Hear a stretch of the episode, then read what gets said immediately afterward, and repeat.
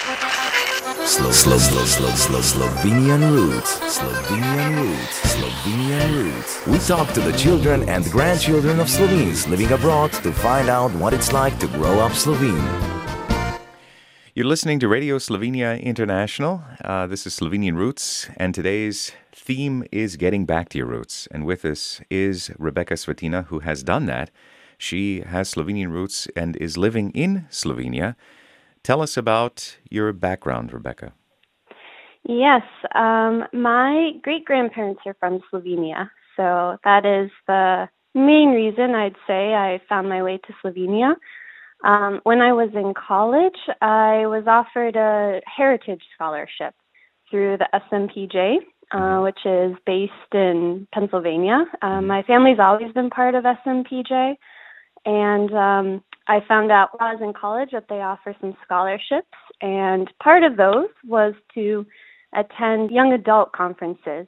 So I wasn't too involved in the organization until then, but then I got really interested, and at one of those conferences, they had a speaker, actually my friend Allison Engel, and she presented how you could go to Slovenia to learn the language and stay there for a year or even just the summer for a month uh, mm-hmm. to study Slovene at the Centers of Slovenština in Ljubljana.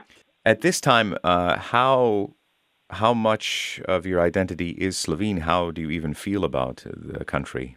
Um, I did have an identification with Slovenia. I was always told when I was little, your your grandfather's Slovenian, and um, I was always interested in cultures and genealogy. Even when I was young, I liked asking about the photos of family in the hallway and such, and the photo frames. And um, my mom always explained that uh, you're okay, half Irish, a quarter German, and a quarter Slovenian.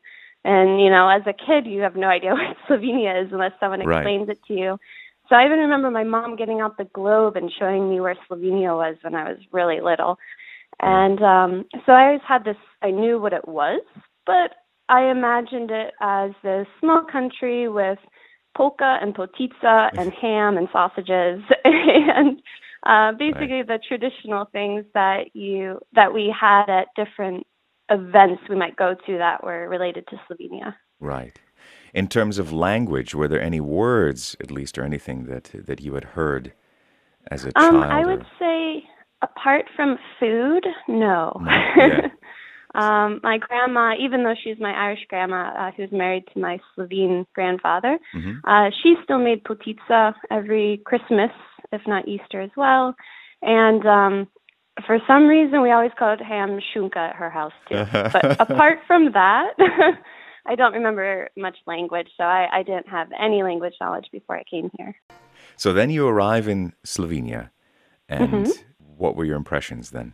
It was a really great experience for me. It was an adventure, I would say, because I showed up here with two suitcases, planning to stay for a year. And I had just graduated college a few months ago.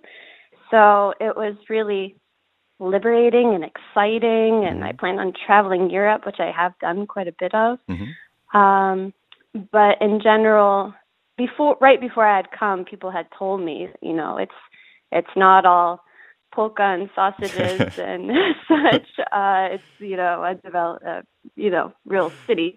Right. And um, oh, I felt really at home here too. Somehow, I made friends quite quickly, international friends and uh, Slovenian friends as well. So it's a very welcoming country for sure. What would you say is the biggest difference between uh, the U.S. and Slovenia? Hmm. Or is there something you miss in the United States that you can't get here? That has changed a lot over the last seven years because I I'm an English teacher in the public schools with mm-hmm. the a foreign language project, and um, I have this lesson about things I miss from home.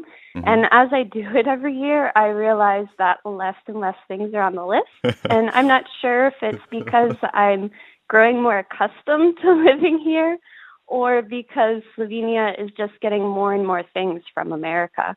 Right. Uh, so at the beginning, one thing that I really couldn't find here that I really missed was a good cheeseburger. Right. And now, especially this year, there's tons of burger places in Right. Ljubljana. Right, So- yeah. So, yeah, things I miss aside from friends and family, and you know those things you can't put in your suitcase. hmm There's very few things now that I have friends bring from the U.S. here. A big jar of Jif peanut butter is one that I still get. you know, one thing I didn't add that might be a good wrap up is um so I in the end I ended up um meeting my now husband Uh-huh. here and uh we're about to have a baby as well. So it kind of came full circle Oh. with my great grandfather leaving Slovenia and now we're back. So That's wonderful. Do we have a name Yeah. already? Not yet. We'll find out in two weeks if it's a boy or a girl, even. So, um, she's or he or she is due August first. Rebecca, thank you very much for speaking with us, and we wish you all the best in the future. Okay, thank you. This was Slo- Slo- Slo- Slo- Slo- Slovenian Roots. To listen again or find out more, go to www.radiosi.eu.